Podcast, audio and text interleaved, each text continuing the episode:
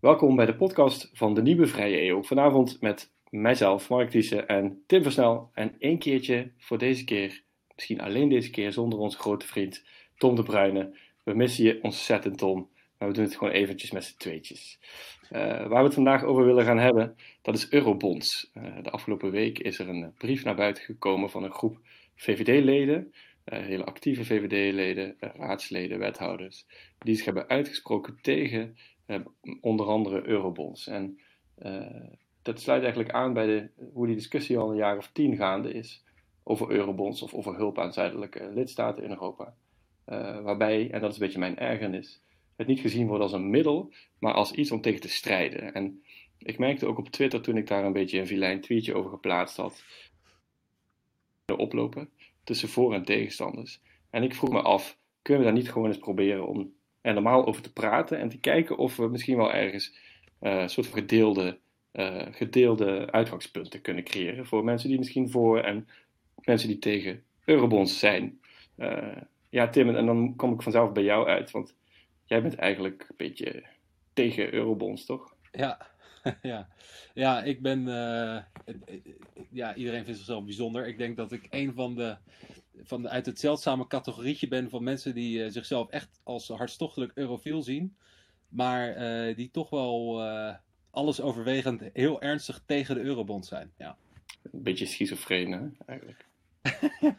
nou ja, weet ik niet.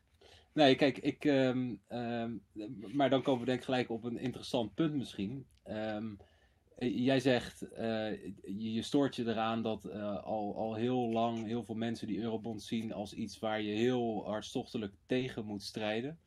En nou, dat, dat, snap ik tot op zekere hoogte. Vanuit mijn perspectief is er ook een andere kant, namelijk ik zie een heleboel mensen en een aantal landen die er al even zo lang een soort van ultieme heilige graal van, van hebben gemaakt. Eh, dat eigenlijk Europa pas compleet is uh, als we ook gezamenlijk schulden aan zouden gaan. En, ja. en dat, dat is wat mij een beetje uh, irriteert. Want ik bedoel, ik ben heel erg voor Europese samenwerking. Ik ben ook heel erg voor op onderdelen veel nauwere Europese samenwerking dan we nu doen. Alleen die eurobonds, dat vind ik nou echt een voorbeeld van iets dat we niet moeten doen. Ja, wat, wat je zegt klopt. Hè? Het verwijt dat ik zeg maar kan, kan plaatsen aan de mensen die heel erg uh, schuimbekken tegen eurobonds. Dat kan je net zo goed plaatsen tegen de mensen die heel erg schuimbekken voor uh, eurobonds.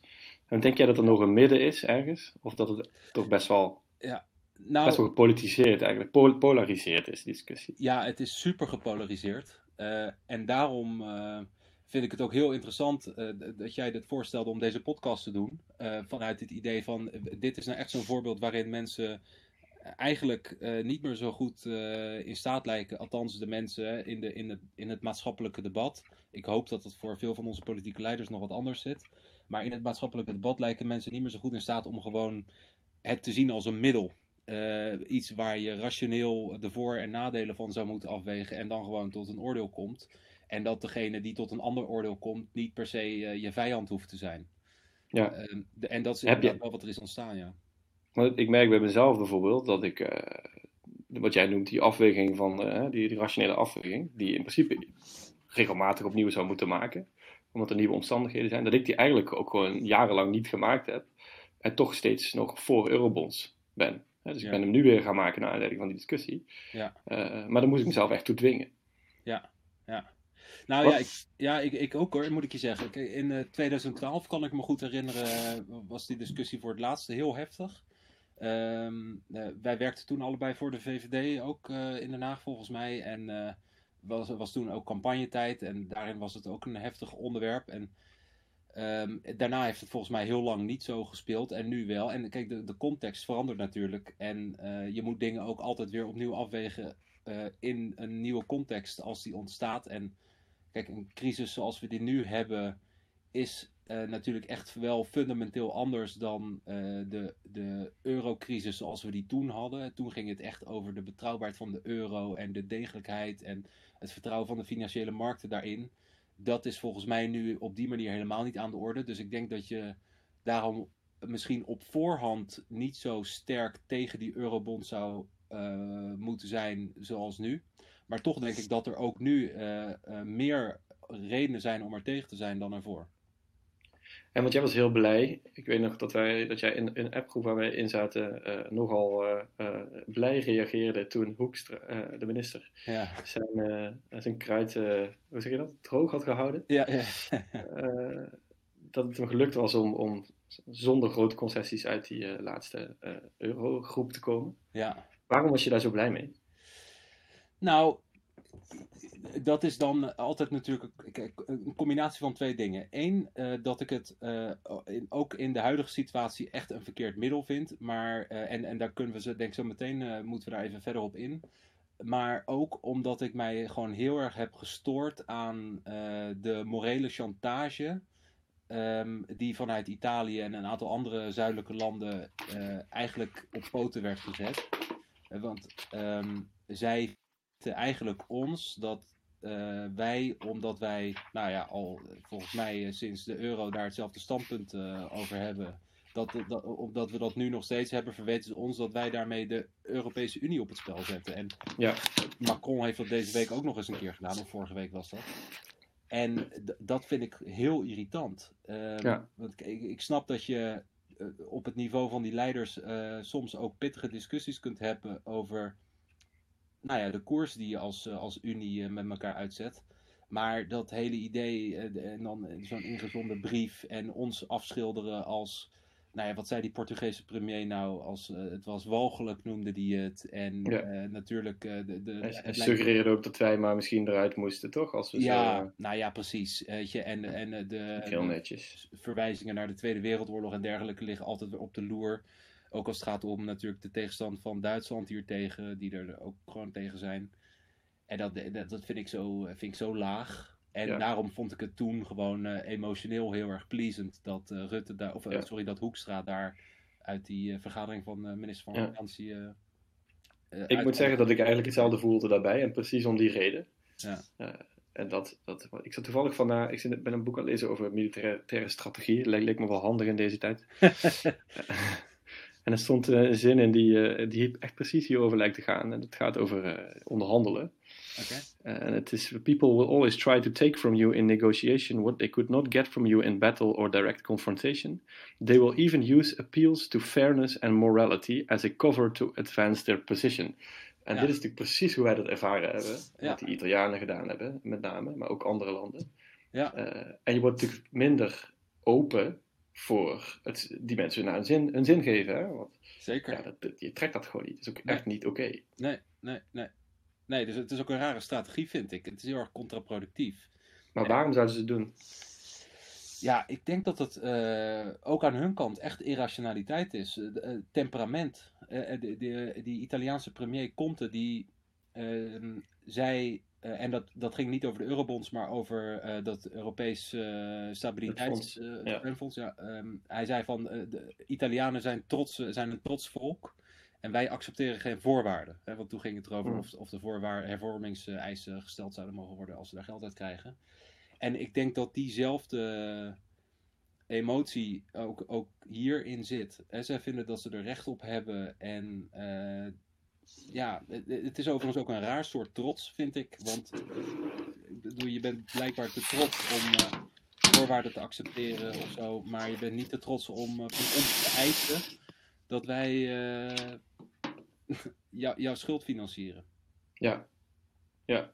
Maar zou het echt trots zijn of is het gewoon oprechte boosheid? En Ja, ja, misschien ook. zeg maar frustratie omdat er niet ingezien wordt hoe zwaar je het hebt. Of misschien wel reageren op ook weer een emotionele eh, eh, inzet van de andere kant. Hè? Want Ja. volgens mij als je echt heel neutraal kijkt, zit Nederland hier ook heel emotioneel in.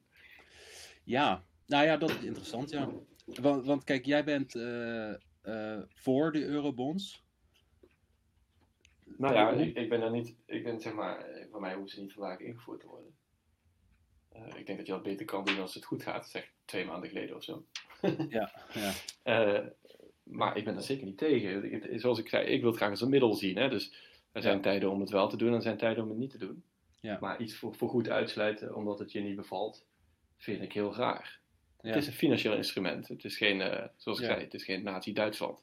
Er zit geen principiële kant aan of zo. Of zit er voor jou wel een principiële kant? Ja, ook wel. Ja. Maar goed, maar laten we, als, als ik hem dan even mag afpellen. Ehm, kijk, als je, als je erover praat, allereerst moeten we eigenlijk eventjes definiëren wat we met die eurobonds bedoelen, denk ik.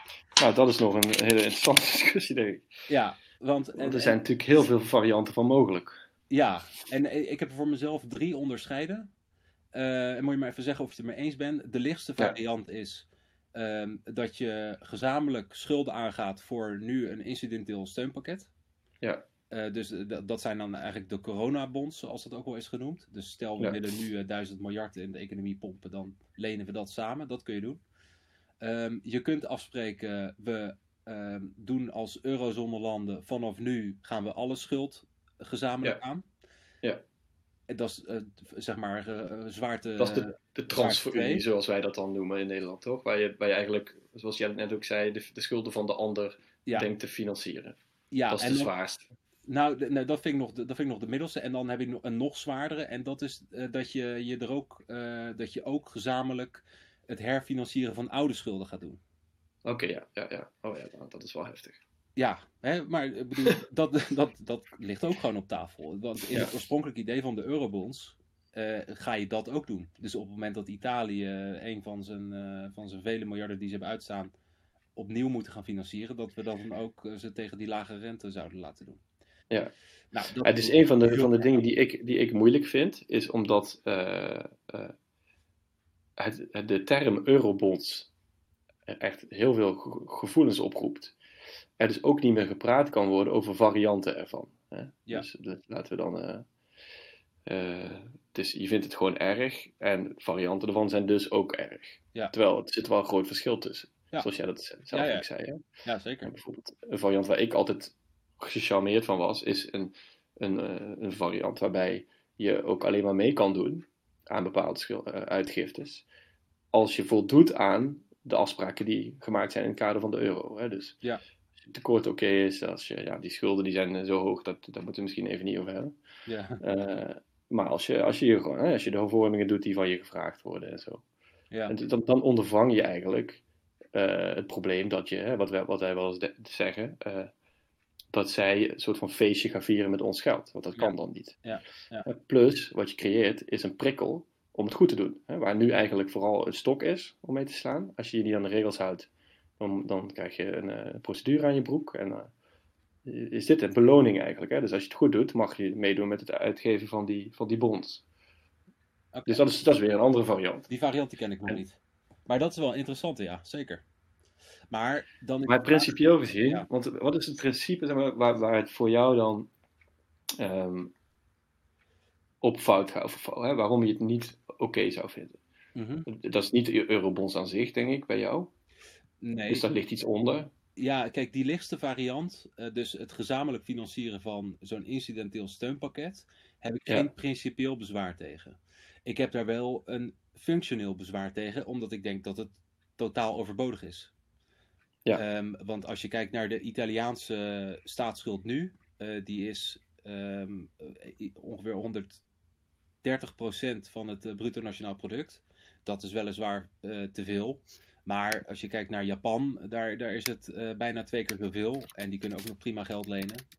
En Ja. um, de, de rente op de Italiaanse staatsschuld voor 10 jaar, ik had, ik had het net even opgezocht, is 2,78% Nou, weet je, Maar dat is nu, hè? Want bijvoorbeeld uh, een maand geleden zat hij rond de, of nou misschien twee maanden geleden, zat hij rond de procent, wat echt heel laag is. Hè? Dus dat is niet eens zo Ja. gek veel hoger dan in Nederland. Nee, dus weet je, en dat, is, uh, dat zijn uh, rentes waarvoor een land als Italië echt gewoon prima geld kan lenen. En wat, Ja. wat ik daar dan ook bij heb, is kijk, de Italianen hebben er uh, jarenlang volgens mij altijd voor gekozen om, bewust voor gekozen, ook in goede tijden, om een begrotingspolitiek te, te, te hebben waarbij ze schulden maken en daarbij dus met het volle verstand dat je dan ook een hoge rente hebt. Dus ik vind het raar dat ze dan nu ineens zeggen van ja, maar tegen zo'n rente kunnen we niet lenen. Tuurlijk kan je dat wel, want dat heb je altijd gedaan. Je, dus ik zie nu ook niet een heel, uh, in die zin, Ja. geen functionele noodzaak ertoe. Nee. Maar, maar het, het meer principiële ding, de, wat ik niet per se tegen, dat, tegen die zeg maar, eerste fase zou hebben, waar ik wel functioneel bezwaar tegen heb, Maar wat ik wel heb bij dat gezamenlijk uitgeven van die toekomstige schuld is. ehm, kijk, onze, onze kredietwaardigheid, eh, ons dus Nederland, en dat geldt ook zeker zin voor Duitsland en andere zuinige landen, is niet een soort eh, natuurverschijnsel of is een soort natuurlijke hulpbron die, waar we zonder iets voor te hebben hoeven doen ineens eh, de beschikking over hebben. Dat is het resultaat van keuzes die wij maken. En we hebben heel moeilijke, we, de VVD, ook zeker de afgelopen tien jaar, vervelende besluiten moeten nemen. Pensioenleeftijd verhoogd, allerlei bezuinigingen. Ehm, eh, eh, mensen gevraagd meer te werken. En eh, dat is gedaan. En als gevolg daarvan kunnen we nu makkelijker geld lenen. Zij hebben dat niet gedaan. En dan vind ik het ehm, eh, onterecht dat zij van, van die offers die wij gewoon, omdat wij dat belangrijk vonden, hebben gebracht, dat ze daarvan mee profiteren. Want zo voelt dat dan. Zo voelt het. Ja, Maar is, is, het ook, is dat ook zo? Maar wacht, het principe, het principe. Dus het principe is dan, ehm, wij hebben het goed gedaan en wij willen niet dat anderen die het minder goed gedaan hebben daarvan profiteren. nou, het is maar. Een soort van Ja. fairness. het- het- kijk, eh, als je mij diep in mijn hart kijkt, dan vind ik het inderdaad ook een kwestie van goed en niet goed. Maar, ik, ehm, maar de, de- eh, aangezien wij proberen het ook zo, zoveel mogelijk ook rationaal aan te vliegen. Ik, je moet het niet per se zien, denk ik, als goed en niet goed. Het zijn gewoon verschillende keuzes. Hè, Ja. Dus wij, hebben ervoor, wij kiezen er vaker voor, en dat is dan misschien een beetje die Calvinistische insteek, om strenger voor onszelf te zijn eh, en eh, de tering naar de nering te zetten en de beroepking aan te halen. En we hebben er niet, zoveel van, niet voor niks zoveel van die uitdrukking ook voor in onze cultuur. Ehm, en, en zij doen dat anders. Weet je? En eh, dat, Ja. dat kan ook. Eh, Dat is prima. Daarmee maak je het jezelf een grote van de tijd makkelijker. Maar in, in sommige situaties dan ook wat moeilijker. Ja. En ik vind dat je niet Maar- eh, het, van, van twee walletjes kunt eten dan, ja. Dat is dan misschien een beetje. Ja, maar wat, wat- ik heb dus het gevoel dat, dat, dat dit klopt als we het hebben over de vorige crisis. Toen had je al die landen in het Ja. die echt door hun eigen ja, lakse houding in de problemen kwamen. Ja. Maar, maar, ik, maar ik geloof er niets van dat je nu nog kan zeggen. Even laten we Italië even parkeren, want dat is wel een land wat de afgelopen jaar niet echt heeft laten zien dat ze. eh, ze wilden een broodtekort laten oplopen. Salvini liep een beetje te muiten. Ja. Dat is niet echt goed voor je PR. maar landen als Griekenland, eh, Portugal, Spanje, die hebben moeten afzien. Ja. Echt moeten afzien. Als wij denken dat wij Calvinistisch zijn en dat wij het pittig gehad hebben tijdens de crisis en dat wij goede stappen hebben gezet, dan moet je eens in die landen gaan kijken. Dat is echt een ander verhaal. Hè? Die hebben veel meer offers moeten brengen. Die kwamen ook van verder, dus ze moesten ook meer offers brengen. Maar die hebben veel meer offers moeten brengen. En nog steeds, nog steeds gaat het niet goed. We staan nu aan de vooravond van iets wat misschien nog veel zwaarder en ingrijpender gaat zijn dan die vorige crisis, waar niemand schuld aan is. Ja. Een virus. Ja. En Spanje heeft een jeugdwerkeloosheid in Italië van rond de 30% Ja, dat is... Wat denk je dat het met die landen gaat doen als de boel daar in elkaar dondert? Wat ben je, wat, dat, dat is toch niet in ons belang, op geen enkele manier. Dat is toch niet af te wegen tegen, tegen een principe dat zegt: eh, je hebt een iets hoger tekort dan wij, je hebt misschien niet zoveel hervormingen doorgevoerd, dus je lost het maar zelf op. Mhm. Als dat soort dingen daar weer gaan gebeuren, die hebben fundamentele gevolgen voor hoe dit continent eruit gaat zien.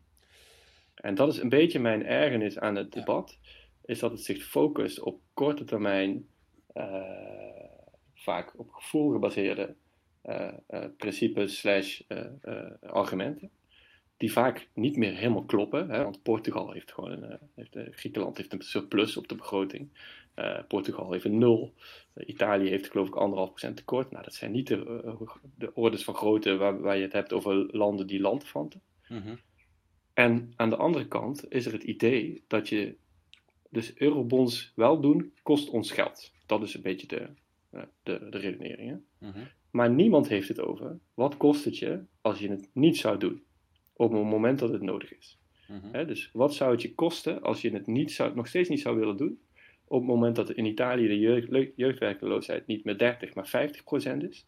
De banken daar weer omvallen. Ze geen geld meer kunnen lenen, want de, de rentes lopen maar op en op en op. Waar ze niet zo gek veel aan kunnen doen, omdat het land gewoon dicht zit. Mhm. Ga je dan nog steeds vasthouden aan het principe, terwijl het je dan als je het mij vraagt, hè, als je wil dat, dat Nederland een, een, een lidstaat is in een sterke Europese Unie, dan gaat het je toch veel meer kosten. Maar daar hebben we het eigenlijk niet over. Ja, nou ja, ja dat is een heel belangrijke uh, invalshoek. Um, en er zijn, uh, ook als je het iets kortere termijn ook uh, hetzelfde fenomeen een beetje pakt, zijn er ook wel verschillende mensen, wat ik hier en daar zo online voorbij zag komen de afgelopen dagen, die zeiden van ja, wij spelen China en Rusland enorm in de kaart. Hè, omdat wij eigenlijk door onze, ja. Uh, ja, ons gebrek aan steun eigenlijk hen een beetje in de armen van Poetin en Xi aan het duwen zijn. Ik bedoel, ik, ik vind dat absoluut heel erg belangrijk uh, dat we ook geopolitiek uh, strategisch durven te handelen. Um, maar wat ik me daarbij wel afvraag, kijk, er zit wel de aanname in ook dat um, eurobonds nu voor hen um, echt een groot voordeel op zouden leveren, dat ze dan in staat zijn uh, dingen te doen die ze zonder niet kunnen. En um, dat vind ik nog steeds niet overtuigend. Nee, en ik, ik weet dus ook eerlijk gezegd niet of je dat nu zou moeten doen. Hè? Dus dat, nee. het gaat mij erom, moet je het uitsluiten tot in ja. de eeuwigheid. En het kan ja. namelijk zo zijn dat je een situatie hebt over twee maanden, ja. die echt wezenlijk anders is. Ja. En, dan, en dan zou je volgens mij ook een, een herbezinning moeten, moeten standpunt. Ja. Uh, en, dat, en, en daar zie ik weinig ruimte. En ik denk dat dat heel gevaarlijk is. Uh, wat ik daarnaast, daarnaast nog trouwens, die, kijk, waarom we het nu weer over eurobonds hebben, is eigenlijk heel slecht. Want we hadden het erover moeten hebben toen het goed ging. Omdat gezamenlijke uh, schulduitgiften, zoals eurobonds, maar ook gewoon wat er in Amerika gebeurt, die ook uh, een, een, een, gezamenlijke schulduitgifte doen, al die verschillende staten. Dat is niet alleen maar iets om crisis mee op te lossen. Dat is ook een machtsmiddel. Als jij een hele grote uh, bondmarket hebt, dan ben je sterker dan als je een klein, kleintje hebt. Zo simpel is het. Mm -hmm. de, want bijvoorbeeld, wij hebben het hier over uh, landen die zich aan de begrotingsregels houden, die het goed doen financieel, uh, die worden beloond met een lage rente. En dat is waar. Maar dan heb je het over kleine landen die dat doen. Als jij zo groot bent als de Verenigde Staten, als jouw munt de, een van de grootste van de wereld hebt en je hebt een, een, een schulduitgifte daarbij, uh, dan kun je ook gewoon doen en laten wat je wil eigenlijk. Want die gasten hebben een megatekort, een megaschuld, houden zich aan geen enkele regel, zelfs niet die ze zelf stellen, en hebben mhm. ook een lage rente. dus, dus hoe groter je wordt op dit gebied, hoe machtiger je wordt en hoe meer middelen je eigenlijk krijgt om, uh, uh, om jezelf te versterken. Ja. En daar, heb, daar hebben we het nooit over, omdat we dit alleen maar bespreken in tijd, tijden van crisis. Uh, terwijl het heeft natuurlijk ook nog een ander aspect, zoiets. Ja, zeker. Nou, ik, meer het lange termijn perspectief, wat, um, wat in ieder geval de VVD volgens mij lang heeft gehad, is um, als het gaat om zeg maar, het, het, het afmaken van, van die economische en monetaire unie, is eerst uh, risico's verkleinen en dan risico's delen. dus ja. het is volgens mij nooit voor, voor eens en voor altijd categorisch uitgesloten, maar de lijn is altijd geweest. Um, die zuidelijke landen, want daar gaat het nou eenmaal in de praktijk om, moeten eerst hun economieën hervormen. dus ja. eerst zelf ook gewoon hun kredietwaardigheid vergroten en dan kunnen we hem op termijn delen. En ja. ik denk ook wel dat dat belangrijk is, want um, jij zei er net ook wat over. Kijk, de, de, toen we het hadden over dat uh, model waarin je kunt verdienen, waarin je kunt verdienen om aan zo'n uh, bond, gedeelde bond mee te kunnen doen. Kijk, je wil natuurlijk wel dat die zuidelijke landen hervormen. En hervormen, dat, dat klinkt inmiddels, uh, zeker na alles wat er met Griekenland is gebeurd, als een soort strafexpeditie. Maar wat daar natuurlijk mee bedoeld is, dat, dat je gewoon een pensioenleeftijd hebt die ja. financierbaar is. En dat je ja. meer arbeidsparticipatie hebt. En dat iedereen ook gewoon belasting betaalt. Weet je, en, en je hebt natuurlijk dat, ja. dat legendarische voorbeeld uit Griekenland. Uh, dat, dat, je pas belasting ging betalen over een huis als het af was. En dat iedereen dus een onafgebouwde derde verdieping op zijn huis had. Maar dat is dus weer die vorige crisis, hè? Nee, maar, en, maar dat en, is nu in Italië ook. Nee, niet precies dat. Niet zo maar, erg, denk ik. Ja. maar, maar, Italië is ook op dit moment waarschijnlijk het land dat het, het, het, het zeg maar, het meeste land, gelandafand heeft. Maar, dat, maar dat, als, als dat zeg maar de argumentatie is, ja. en daar loop ik dan wel steeds een beetje vast. Oké, okay, dus dan gaan we kijken, wat zijn de voorwaarden? Nou, de voorwaarden zijn de landen inderdaad. Pensioenleeftijd hoor ik heel vaak terugkomen. Maar dat betekent, als dat je argument is, dan zouden we met Griekenland en met Portugal, zouden we dus eurobonds kunnen gaan uitgeven. Want die hebben een hogere pensioenleeftijd dan wij. Dan gaan, mensen gaan, gaan later met pensioen dan in Nederland. Niet een beetje ook, hè. Mhm. Echt een paar jaar. Uh, plus ze hebben zich uh, aan de regels gehouden. Ze hebben hervormd. Ze hebben een, uh, Portugal heel klein, ik geloof 0,1% tekort. Ja. Griekenland heeft een surplus. Dus dan kunnen we daar eurobonds mee gaan uitgeven. Maar dat gaat iemand niet accepteren die tegen eurobonds is. Dus dat is niet waar het over gaat. Als, we dat, als dat niet betekent dat je nou met dat soort landen dat kan doen, dan, dan betekent het dat het niet gaat over die argumenten. Toch? Nee, iemand die dus uh, zeg maar zijn vingers in zijn oren stopt en zegt uh, tralala tegen eurobonds, die zal daar niet door overtuigd zijn. Maar in principe, want ik ben het met jouw principe eens, dat deel, dat deel ik gewoon. Dus ik vind ook dat uh, als het zo is dat landen er een potje van maken en wij hebben gewoon offers gebracht en het goed gedaan, dat wij vervolgens niet zonder een soort van, zonder voorwaarden eigenlijk, zoals Hoekstra ook zegt, hun feestje gaan financieren. Dus daar, zijn, daar, zijn, daar kan ik mij eigenlijk goed in vinden. De vraag is of dat dan in alle gevallen zo is. En Dat weet ik niet. Dat vind ik lastig. Ik denk dat dat tien jaar geleden zeker zo was. Ik denk dat het nu minder is. Mijn eigen principe, wat hier aan de grondslag ligt, is gewoon heel simpel: macht. Ik wil, en ik denk dat Nederland alleen maar sterk kan zijn in een hele sterke Europese Unie. En dat is de Europese Unie op dit moment niet. En wat mij echt opvalt, is dat de Europese Unie in tijden van crisis zwakker wordt. En dat is gevaarlijk. Dat is gevaarlijk. Als er een crisis wordt, moet je sterker zijn dan daarvoor. En in Europa worden we alleen maar zwakker. Dan gaan we ruzie maken, gaan we elkaar uitschelden, dan willen we elkaar niks meer geven. En eerlijk gezegd, dan kan je er net zo goed stoppen. Ja. Nou, kijk, uh, en hier ben ik het heel erg mee eens. Uh, ik, ben, ik, ik vind heel sterk, en ik geloof heel sterk dat willen wij, al wij als Europese landjes met al onze prachtige, unieke culturen en tradities, willen wij een bestaansrecht houden in deze wereld, dan kan dat alleen maar als we ingebed zijn in een heel sterk verbond, bijna een soort broederschap van, van Europese landjes. En we moeten een sterk front uh, vormen naar buiten. En um, waar ik het zeker mee eens ben, is dat juist dat vermogen om snel en sterk en doortastend te kunnen handelen, juist naar externe bedreigingen, externe gebeurtenissen, die is echt ernstig onderontwikkeld. Ja. Ehm, en daar moeten we wat aan doen. Kijk, en, eh, dus, en dat is misschien dan ook wel een beetje mijn conclusie hieruit. Je hebt hier laatst ook een stuk over geschreven, toch? Over hoe de, de rol van de, of een deel van een stuk. Ja, een, een deel. Ja, ik vroeg me af van, uh, ik had een stuk geschreven, op, het staat op Medium, uh, kunnen we via onze accounts nog een keertje delen over eigenlijk drie dingen die me tot dusver eigenlijk het meest waren opgevallen in um, de manier waarop wij tot nu toe omgaan met de coronacrisis en wat we daarvan kunnen leren. En een belangrijk ding daarvan vond ik inderdaad, vind ik inderdaad dat dat, dat je nu juist door ook weer in deze crisis ziet dat de Europese Unie heel goed is in het smoren van uh, onderlinge conflicten. daar is de Europese Unie natuurlijk ook eigenlijk uit ontstaan, uit die noodzaak. Ja. Maar dat we bijzonder log en traag en bureaucratisch zijn als het aankomt op plotselinge gebeurtenissen van buiten. En dat, ja. dat moet anders. En ik vind daarom ook zeker dat we, dat we alleen al om die reden en om ook dat geopolitieke aspect wat je benoemde, um, onszelf, ook, ook zeker ook de tegenstanders van Eurobonds moeten dwingen om er gewoon heel rationeel naar te kijken en het niet categorisch uit te sluiten en ook niet voor altijd uit te sluiten. Um, dat, dat, het inderdaad, dat we het als middel moeten zien, maar dat het ook wel uh, maar maar daar, daar staat tegenover dat voorstanders het ook als middel moeten zien. En ze ja. ook de vraag moeten stellen: van ja, is, heeft het nou echt nu functionele ja, waarde?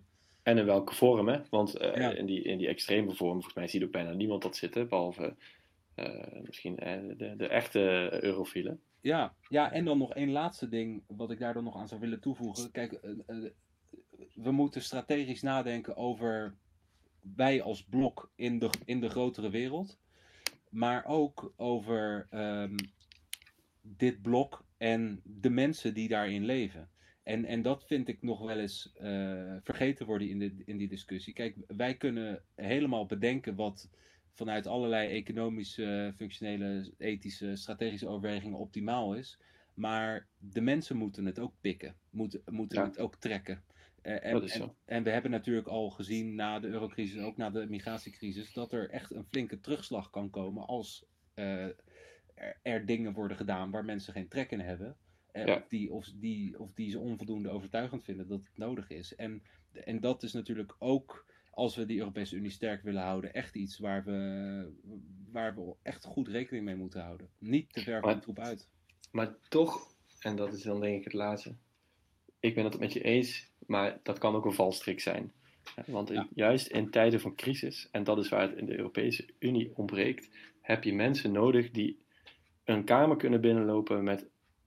Want mensen zitten met allemaal andere belangen. En die kunnen zeggen: luister, we kunnen het op onderdelen met elkaar eens zijn, oneens zijn. Maar het belangrijkste is dat wij hier uitkomen met iets waar we allemaal sterker van worden. Ja. Waar een win-win in zit. En dat hebben we niet. Want meneer minister Hoekstra, die gaat daar naar binnen. Hij deed het trouwens vanuit de videocall. Maar die gaat die vergadering in met het idee, ik wil iets niet weggeven. En als ik iets niet weg heb gegeven, dan heb ik gewonnen. Dat is een, Ja. een win-lose houding. Ja. Hè? Als de ander zijn zin niet krijgt, Ja. dan heb ik gewonnen. En zolang we die instelling hebben, gaat niemand winnen. Dat- Wij niet, de Italianen niet, de Spanjaarden niet, de Duitsers niet, de Spa- ja. hè, Misschien Alleen de de Chinezen. grote blokken, ja. de grote blokken buiten Europa. Ja. En dat is waar de tijd soms wel behoefte aan heeft, denk ik. Ja, nou, daar ben ik Laten we hopen dat, eh, dat het ooit nog eens, misschien bij de volgende crisis, dat zou leuk zijn. nou, deze crisis zit er nog lang niet op. Dus- Nee, precies. Heb ik nog Ah, jammer, jammer. Ik probeer het binnen positieve noot te eindigen. ja, maar- ja. Maar laten we zeggen dat de positieve noot is dat dit onze kortste podcast tot nu toe was. Kijk. Hey, Yes! ik vond het heel leuk en ik hoop ook dat veel mensen in de VVD eh, het, het, het, het luisteren. Om, eh, eh, hè, want, want er valt gewoon over te praten, denk ik. Precies. Ik, laten, we zeggen dat, dat jij dan denkt dat we het misschien niet voor altijd moeten uitsluiten. En dat ik dan misschien denk dat we het misschien niet morgen moeten invoeren. Kijk, nou. Dat lijkt, dat lijkt me heel redelijk. Is goed. Hey, fijne, fijne lockdownavond. You. Doei.